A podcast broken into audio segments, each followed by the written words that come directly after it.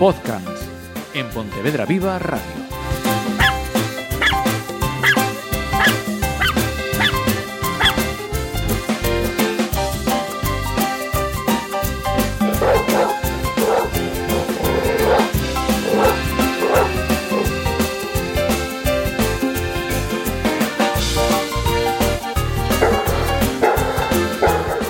Hola, vamos con otra edición de podcast.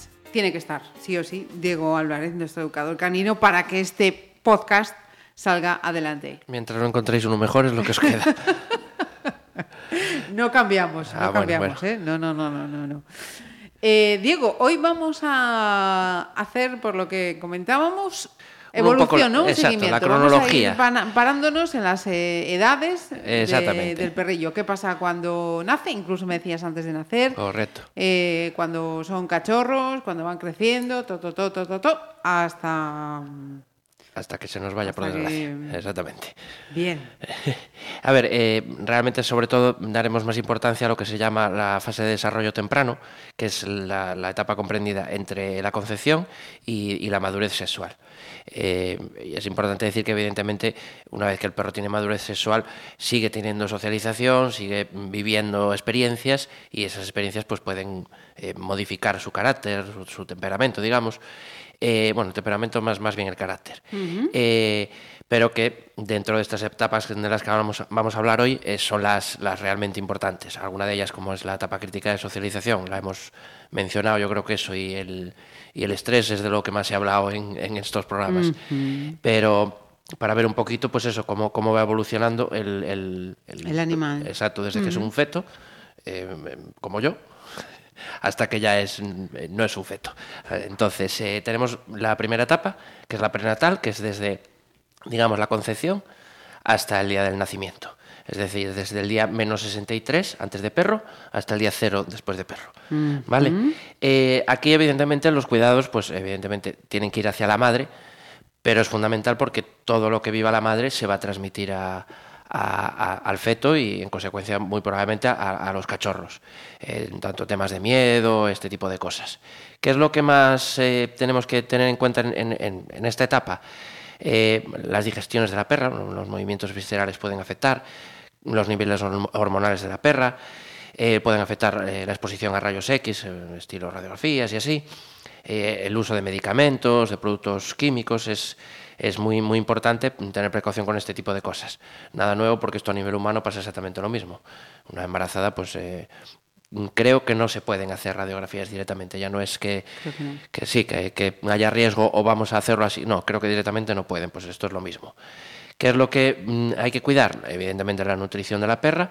La nutrición de un- de una hembra embarazada no es evidentemente la misma que de una hembra que no está embarazada. Eh, la cantidad de ejercicio que hace. No puede tampoco desarrollar obesidad y tal, por lo mismo que, lo mismo que las personas. Cuidados y sobre todo calor. Tienen que tener pues su zona tranquila y que sea una zona calentita para, para asegurar el bienestar. Recordemos que una de las cosas que pueden generar estrés es el excesivo frío, excesivo calor, y eso se va a transmitir al feto, con lo cual es fundamental, independientemente de que nunca un perro debería pasar ni frío ni calor, pero bueno, eh, son circunstancias especiales. Eh, luego tendríamos la etapa neonatal, Espera, pregunta. pero Eh, pregunta de quienes estéis escuchando y, y sepáis algo de perros diré, pero ¿cómo se puede ser tan...? Pues lo siento mucho, tengo que preguntar, ha dicho 63. Sí. Son 63 días de embarazo. de gestación. Vale. Correcto, sí, sí, sí. Vale, Como oye, si yo no lo sabía, Sí, nunca sí. es tarde para aprender. No, exactamente. Y decía sí. mi abuelo que no es tonto el que pregunta, es tonto el que se queda Eh, sin saber las cosas por no pues preguntar. sí, sí, sí. Perfecto. Esa es la, la gestación, eh, día más, día menos, evidentemente. Luego, pues eso, tenemos la etapa neonatal, que es desde que el, mm, el cachorro nace hasta las dos semanas, que se produce eh, un desarrollo neurológico. El cerebro no está desarrollado del todo, está, es como el mío, está desarrollado parcialmente solo. Eh, ni ven, ni oyen, ni pueden ponerse de pie.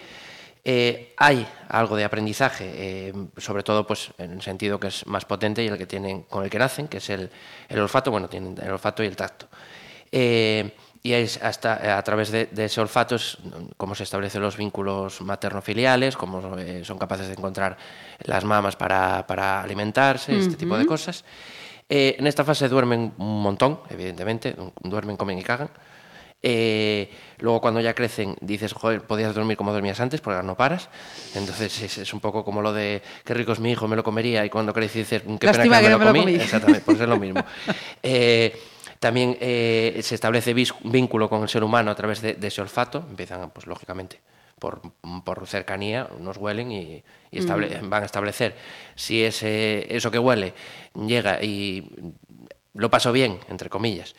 Eh, qué guay, si eso viene y lo paso mal. mm, Rechazo. Exactamente. Entonces se recomiendan manipulaciones, evitando evidentemente tanto el estrés de- del cachorrillo como el estrés de la madre. Hay madres que la manipulación de sus cachorros no pueden No no les llevarla gusta. bien, claro. Y, y- y hay más aún, imagínate un, un extraño. Imagínate que acabas de dar a un ceno al hospital y llega un señor que no conoces de nada y te coge a tu hijo. sí. Y dices, ¿qué es esto? Entonces hay que tener mucha, mucha precaución con esto. Eh, hay que mantener la temperatura, nuevamente, eh, tanto de la madre como la de los cachorros, eh, mantas eléctricas o si están dentro de casa y tal. Eh, tengo aquí unos baremos de temperatura que es también para saber y, y controlar. Eh, en los primeros días los cachorros tienen entre 32 y 35 grados. Eh, la primera semana entre 35 y 37, la segunda y tercera 37 y 38 y a partir de la cuarta 38 40, ¿vale? Que ya se suele Más- mantener. más elevada que- Sí, que que, las la- que la personas. nuestra, sí, sí, sí.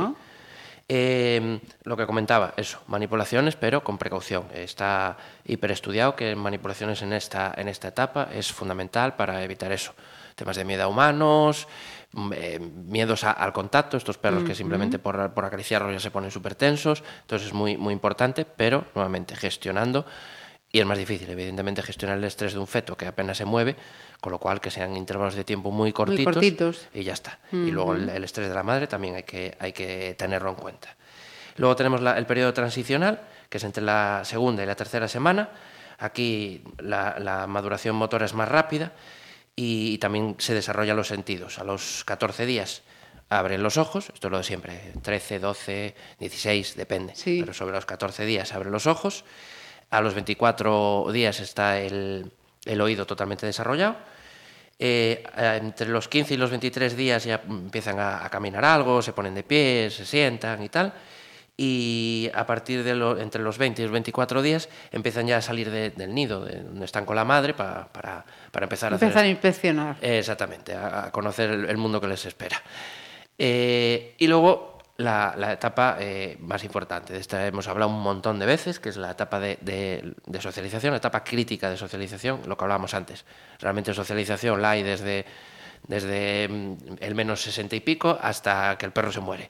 Pero esta es la, la más importante. Es un- además es que está de acuerdo todo el mundo. Lo tengo comentado a veces que tanto gente que trabaja en clásica como gente que trabaja en positivo, de todo, saben que esta etapa Es es, fundamental, exactamente. Dura entre la, entre la tercera y la decimosegunda semana, más o menos. Eh, nuevamente hay que eh, adaptar, eh, acostumbrar, no, habituar, vamos a hablar bien, habituar al perro. recordemos la diferencia entre habituación y desensibilización. En la habituación, el perro se exponemos a estímulos, no provocan reacción ansiosa, con lo cual se va acostumbrando. Eh, y evidentemente siempre hay que evitar la sensibilización. Esto es muy típico, perros que a lo mejor viven en una casa, una finca, este periodo lo pasan en la finca y luego llegan a la ciudad. El primer día que los meten en el centro, coches, gente, niños, pelotas. Claro, se vuelven locos. Es tremendo para ellos. Entonces, lo- eh, es fundamental que sea un perro que viva en piso, sea un perro que viva en una finca, hay que acostumbrar a estímulos, porque en un momento dado, por lo que sea, ese perro tiene que cambiar de domicilio y para él va a ser una inundación como un mundo. Entonces, es- es- hay que exponer. Eh, es el periodo, eso, el más crítico y, y en el que más eh, formación hay. Se establecen además relaciones con otras especies. Eh, aquí viene lo del tema de, de troquelao, entre comillas, con gatos o con otras especies, pues para evitar eh, perros que se dedican a cazar gatos y este tipo de cosas. Mm, Porque si no lo conocen en este periodo, pues luego pues lo que se va a activar es, es eso. eh, eso se mueve, lo cazo. ¿vale? Entonces es muy, muy importante. En caso de, de perros que viven en piso, un buen sitio para criarlos es la, a los cachorrillos es la cocina. Porque en la cocina hay un montón de ruidos. En el salón, pues por lo mejor tenemos la tele y poco más. Pero en la cocina, los cajones, las cacerolas, tal, hay más movimiento para aquí, para allá. Entonces es un buen sitio para que se recomienda para, para criar a los, a los cachorrillos. Eh, tienen periodos más, más destacados de socialización, por ejemplo, con otros cachorros que no sean los hermanos, es entre la cuarta y la sexta semana. Con el ser humano es importante, eh, sobre todo entre la sexta y la decimosegunda semana. Eh, exposición a estímulos, pues televisión, aspiradora, teléfono, coches, entre la sexta y la octava semana. Eh, montar en coche se debería de hacer antes de la decimosexta semana para que luego no se provoque rechazos. Eh, no es la primera vez que, que veo un perro que eso, es grandecito y es un perro súper valiente. Bueno, el otro día me, me pasó con, con un, con un malinois con el que estoy trabajando, que los malinois suelen ser perros potentes, fuertes y, y de carácter duro. Ajá. Y no sé qué fui a coger al coche, me vino siguiendo, abrí la puerta y dije, ah, si quieres sube. No debió de subir muchas veces en coche porque no subió ni de coña. Ajá. Entonces, claro, ¿por qué? Porque no es un perro que está está acostumbrado. Exactamente. Y luego, entre la octava y la décima semana de vida, eh, es eh, cuando empiezan a, a conocer, o sea, digamos, tema miedos, eh, eh, los estímulos aversivos. Básicamente es donde más pueden dejar marcado al, Al al perro. Exactamente. Eh, esto pasa, lo que, lo que decimos siempre, pasa también con los humanos. Los, los bebés cuando empiezan a caminar, mm, que van con la cabeza por delante, eh, no son conscientes de lo que es el miedo, de, de- de lo el que es el dolor, exactamente. Eh, de hecho, con, con los cachorrillos hay que tener precaución por si los ponemos en una zona alta, pueden no distinguir altura y se tiran. Entonces, son periodos que hay que tener precaución de eso, de empiezo a conocer lo que es el peligro, empiezo a con- de entrada no lo va a conocer, un perro, un cachorrillo no va a saber lo que es un coche, no va a saber que lo puede atropellar o eso Claro. que hace ruido, entonces hay que tener mucha, mucha precaución. Luego tenemos la etapa juvenil, que es... eh, Pero te voy, sí, te voy sí, a sí, seguir sí. Así insistiendo. Yo, soy, yo soy el alumno así, toca pelotas, que siempre estaba, profe, me, me", pues eh, ahí, ahí voy yo. pelotas o el pelotas? Ahí ya depende de cómo lo...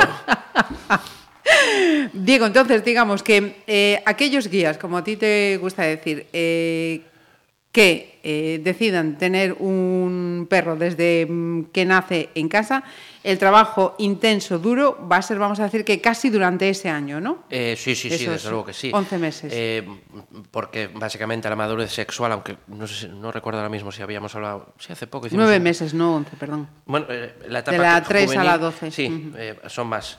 Eh, no sé si habíamos hablado hace poco de- del tema de cuando es una hembra ya adulta o con- no, no me acuerdo o si lo hablamos en el programa o lo hablé con Mm, ahora no me alguien. suena. Eh, va variando, varía por la edad, varía por la raza y por el tamaño y tal, eh, por la edad lógicamente, Eh, pero sí, o sea, ese primer año, que es prácticamente la madurez sexual, se suele decir ya son adultos a partir del año, es fundamental, o sea, Ajá. es el, el trabajo, es donde vas a tener los mejores resultados si lo haces bien, los peores si lo haces mal, y es eh, donde hay que andar con, con pies de plomo, es fundamental, fundamental. Porque luego es eso, ya el perro, pues eso, eh, tenemos en cuenta que los perros duran menos que los humanos. Nosotros en desarrollar, desarrollar nuestra personalidad tardamos más años, yo, yo estoy en ello, de hecho, tardamos más años y, y en el caso de ellos no les queda más, más remedio que hacerlo rápido porque Ajá. van a durar menos, con lo Sí, cual sí. el desarrollo tiene que ser más rápido. Bueno, pues oído entonces, ¿no? Estamos ahí en esa etapa de trabajo intenso y ahora nos vamos con el periodo juvenil. Eh. Exactamente, el periodo juvenil, Vale. más o menos la decimosegunda semana, es lo que digo, aquí no, no existen las matemáticas. Eh, que es lo que se podría llamar como una- un periodo de socialización secundario, eh, en el que el perro ya empieza a desarrollar, o digamos, lo que es el carácter. Hasta ahora, digamos, que lo estábamos desarrollando Moldeando. nosotros, exactamente, y ahora lo empieza a desarrollar él. Eh, hay que seguir exponiendo estímulos, pero quizás podemos meter un poquito más de intensidad porque evidentemente el perro ya está, digamos, formado. Pasamos después a, a la a la edad adulta, entre los 8 y los eh, 12 meses. Eh, madurez sexual, eh, se desarrollan comportamientos de cuidados maternales, de cooperación, de protección, o sea, desarrolla el perro lo que es el, el carácter social eh, cooperativo. Y evidentemente el perro se continúa formando. Y luego tenemos la, madurez, que sería del, uno, del año 1 al año 2, a los dos añitos, eh, que ahí es la madurez, digamos, emocional. Hasta ahora estamos hablando más de una madurez eh, física, eh, sobre todo así de pequeño y tal. Y aquí es donde se produce la madurez emocional, se desarrolla el, ca- el carácter por completo y, luego entramos en, en- en la fase en la que está Bella, que es el perro geriátrico. ¿Vale? Eh, es decir, eso, a partir de, eh, me refiero, Bella por la edad que tiene, de los dos años en adelante no se consideran, se consideran perros adultos, ya está. Y luego, pues eh, en esa fase, aunque hay que tener precaución, no, si todo se lleva bien, no hay cambios, mm, digamos, mm, no motivados por nada, pero cuando el perro entra en modo geriátrico, sí puede haber cambios sin necesidad de que pase absolutamente nada. Igual que pasa con las personas mayores. Recordemos que en su momento hablamos de, del síndrome de disfunción cognitiva, el Alzheimer en los perros, lo tenemos comentado. Eh, y hay que tener precaución, se hacen menos tolerante a, por ejemplo, a los, a los cambios de rutina, eh, tienen menos paciencia, es muy normal ver un, a un perro de edad media jugando con un cachorro y a lo mejor un perro muy adulto se acerca al cachorro y directamente le gruñe en plan no me toques las narices. Puede haber problemas eh, orgánicos, dolor de huesos, musculares, entonces eso les hace ser muchos, mucho menos tolerante. Hay que tener precaución con el tema de las ansiedades por separación porque genera mucho más vínculo con, con el guía y hay que tener cuidadín de, de, de eso. De no separarlo. Eh, de, más que de no, de no separarlo, de observarlo para que no desarrolle más. Ajá, Eh, Yo, por ejemplo, Bella, ahora mismo, si está, le está empezando a costar cada vez que me voy de casa, Ajá. no, no es como antes, que yo antes me iba de casa y ella estaba en la cama y me- vamos, le faltaba levantarme el dedo, en plan, "Ara, no molestes. Ahora ya se queda más pendiente de mí, le positivo esas situaciones, porque es normal. Es, es- es como, una, como una persona mayor, se hace mucho Ajá. más, más dependiente. Eh, luego, evidentemente, tanto los órganos como, como los tejidos involucionan. Entonces, tanto a nivel orgánico como a nivel eh, psicológico, digamos un poco que vuelven casi como a ser cachorros. Pueden empezar a tener pérdidas de orina, este tipo de cosas. Entonces, es, es importante tener precaución con esto. Y sobre todo, si, si degeneran cosas eso, como por el, el síndrome de disfunción cognitiva, que es complicadillo, hay medicamentos y todo, pero es, es jorobadillo, se les va la olla, pues es como una persona con Alzheimer. sí, sí. Una persona con Alzheimer no, no va a hacer ciertas cosas, pero un perro sí las puede hacer, entonces hay que tener precaución. Y luego con esto de los periodos críticos, quería, yo no sé si, si lo comenté en algún momento, pero quería eh, hablar de lo que se llama el síndrome de Perrera o privación sensorial o Kasparhausen. No me suena. No te suena bien. Eh, hay mucha gente que, que, sobre todo, eh, no lo digo por mal, ¿eh? en protectoras, que habla, uy, este le tuvieron que pegar, buah, porque es que no se acerca a un humano ni de coña. Eh, entre comillas, entiendo que esto se puede decir incluso por el tema pena para las adopciones, perfecto. Pero hay que, en, en cierta manera, quitarse eso de la cabeza porque creo que tampoco le hace ningún favor al, al- al perrín. El hecho de que, ay, es que le pegaron, ay, pobrecito. No. Eh, ¿Qué puede hacer para que no tenga este miedo? Y eh, no hay necesidad absoluta de que un perro haya sido maltratado para que tenga verdadero pánico a los humanos. Basta con que en ese- estos periodos que hemos Que visto, sí. exactamente, no ve un humano en su vida, que suele pasar con perros que los abandonan en el monte o así, no ve un humano en su vida para que la primera vez que vea uno se cague por la pata de para abajo de miedo. Con lo cual no hay esa necesidad de, de que le hayan zoscado, no. Es simplemente por un tema eso, de, de falta de socialización con humanos. Vuelvo a decir, un perro ya en- de dos años que se haya criado en finca, no haya visto un coche en su vida, lo metes en la ciudad rodeado de coches, va a petar. Sí, caos. Exactamente. Eh, esto se llama así por un, por un crío que se en, en 1828 que se crió pri- privado totalmente de relaciones sociales, tanto de su familia como de, de otras personas. Y, y, evidentemente evolucionó y tuvo actitudes sociales, pero creo que, o sea, no creo, no, no llegó a tener un- una actitud social pues como puede, puede tener una persona normal, iba a decir yo. Vamos, pero- un, Tarzán de toda la vida. eh, exactamente, exactamente, es lo mismo. Lo que pasa es que a lo mejor el síndrome de Tarzán quedaba un poquito cutre. Eh, entonces, eh, mm, con los perros pasa exactamente lo mismo.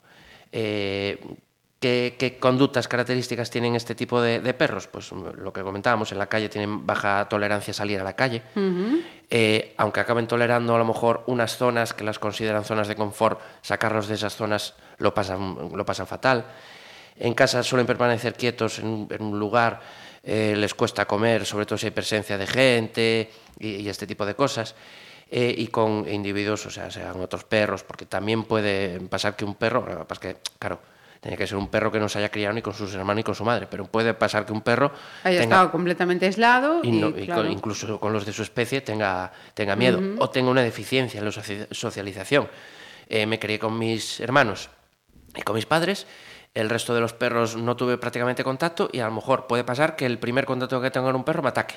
Con lo cual, a partir de ahora, cada vez que se acerca un perro, lo mato. ¿Vale? Entonces, es, es, es importante eso, saber qué es esto, saber que se puede trabajar. Aún hace poco un- una, una chica me, me comentaba y tal, que le costaba mucho el perrín, que se, que se acercaba a ellos, pero no lo suficiente y que sobre todo moverse de, de una camita que tenía que ser su zona de confort.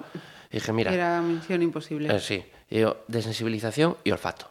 Empieza a sembrar la casa de salchichas y la salida a donde tienes el jardín. Bueno, al- no me acuerdo cuánto tiempo pasó, pero muy poquito. Estaba alucinando de la independencia que empezaba a tener ya, de salir él, de olfatear por toda la casa. Se pueden hacer, hay límites, evidentemente, y depende del nivel del perro, pero se pueden hacer trabajos muy, muy, muy buenos. Siempre recuerdo lo mismo. Bella, y vuelvo a decir, por desgracia la traje en clásico, pero cuando ya empezó a entender en positivo lo que quería de mí, Bella era una asesina de perros, y hoy por hoy, vamos, es que se relaciona con todos, quiere jugar con todos, Provina no le dan las patinas, pero quiere jugar con todos, y es una maravilla. Ajá. Es cuestión de, de, evidentemente, saber, para eso estamos aquí, para, para que Para aprendáis. explicar. Exactamente. Y paciencia, tener mucha paciencia. Si no tienes paciencia, cómprate uno de peluche. Eso se aprende muy rápido. No protestan, Eh, no hay que... Y para mear creo que tienen un mando tal, ya meas, ya lo limpias y ya está. Sí, es que siempre hay un roto para un descosido. Exacto. Vamos a ver, más secciones. eh, apro- aprovecha, Diego, va, para que puedas beber, que te tengo aquí sí, hablando, sí. hablando, hablando. Y nada, esto, esto es maltrato, ¿eh? Esto es maltrato. Totalmente. Os voy a denunciar, esto es muy bien. Sección de podcasts que pasa por recomendación de libros. ¿Qué nos traes hoy? Eh, recomiendo un libro, no lo he, he leído, es el que me voy a comprar porque aparte de que es de Barry Eaton, que me encanta, eh, el libro tiene una pinta tremenda, que es- se, titula Sin palabras, guía para entrenar perros sordos. Ajá. Eso ya me parece que tiene que ser un verdadero espectáculo. Eh, a ver, muchos de los perros sordos mm, eh, se los suele trabajar con un láser con el que apuntas al suelo y lo que en vez de cargar el clicker lo que cargas es el láser. El perro ve el láser en el suelo y le enseñas a que siempre que vea eso, que te mire. Y tú pides los comandos de forma gestual. ¿Vale? Pero bueno, todo ¿Te ha tocado trabajar una vez en una situación con, perro, con un perro sordo no. Sí que me pidieron, eh, de, justo además de, de los de la adopción de hoy, de tú eres nuestra ayuda, me dijeron, mira que tenemos un perro sordo, ¿esto cómo se hace? Y les expliqué justo esto. Pues si queréis trabajar yo encantado. Pero no sé al final si es que lo adoptaron o cómo fue la historia. Pero no, por, mm, por desgracia. Prefiero que no haya perros sordos, evidentemente. Pero todo lo que sean este tipo de cosas a mí me parece un reto. Entonces, Ajá, sí, tiene que serlo, Sí, sí. sin duda alguna. por ejemplo, como dato anecdótico, uno de los de los dentro de los border collies hay distintos tipos. No me acuerdo ahora mismo si es el arlequín o cuál es, que eh, genialidades del ser humano para conseguir esos colores de pelaje se hicieron los típicos cruces Cru- estos endogámicos que hablamos en su momento sobre las razas y lo que se ha conseguido es que muchos de estos perros sean sordos por, por culpa de esos cruces. Entonces, maravillas que hace el ser humano. En fin. Y frases. Nos queda, sí, nos queda la frase, que hoy cogí una de John F. Kennedy, para el que no lo sepa, creo que fue presidente de los Estados Unidos o algo así. Bueno, me suena. John me suena. Sí, creo que perdió la cabeza en un viaje o algo así. una- Se la hicieron perder. Exactamente. Que dice que el conformismo es el carcelero de la libertad y el enemigo del crecimiento. Entonces, eh, eh, hablando de, de eso, de etapas y de crecimiento, pues nunca nos podemos conformar con nosotros mismos, todos seguimos evolucionando y con nuestros perros igual. A medida que crecen, tenemos que, que ayudarles y, y permitirles que, que se desarrollen. Ajá. Y preséntanos al compañero da foto. Exactamente. Eh, es- se llama Thor, es un cruce de, de mastín, tiene más o menos dos añitos, muy sociable, con, parece ser que apareció en el monte, eh, hablando, mira, de, que, Sí, de de- lo que decíamos, nadie lo reclamó, pero bueno, gracias a Dios es súper sociable, tanto con, con personas como con Como perros. con animales. Exactamente. Eh, con dos añitos debería, lo acabamos de ver, tener, tener, tener ya desarrollado su carácter y tal, con lo cual no hay problema, porque los mastines a veces pueden tener problemas con otros perros si no hay una, son perros de guardia y defensa. Sí. Y, y si no hay una buena sociali- socialización pueden tener problemas en este, en este sentido. Pero bueno, como ya está desarrollado y, y me confirman que se lleva bien con tal, genial. No hay problema ninguno. Eh, es de la asociación que ya hemos hablado de ellos algunas veces. Tú eres nuestra ayuda de, de Vigo y el teléfono de contacto para, eh, iba a decir para el que lo quiera adoptar, no, para el que lo adopte ya, es 633 84 2656. Aunque bueno, esto siempre lo ponemos en el. Bueno, lo ponéis, yo ya la parte escrita ya me desentiendo. Él nos cuenta y luego nosotros eh, transcribimos. Perfecto. Pues que no lo machaquéis a tantas preguntas aquí a Diego correcto, Álvarez, sí. que es que no da basta responder, porque todos escribís a Sí, sí, Eh, ¿qué- ¿Cuánto has gastado ya en cañas? Uf, este fin de semana no puse ni, ni caso, o sea, tuve que, que dedicarme solo a imitar a callas. ya tuviste que poner, Sí, sí. no mandéis más correos. Aprenden mucho de perros, pero yo tengo el, el hígado destrozado ya. Sí, señor. Diego, pues muchísimas gracias por seguir enseñándonos eh, cada programa más cosas eh, sobre los perros y hasta el siguiente podcast. Gracias a vosotros.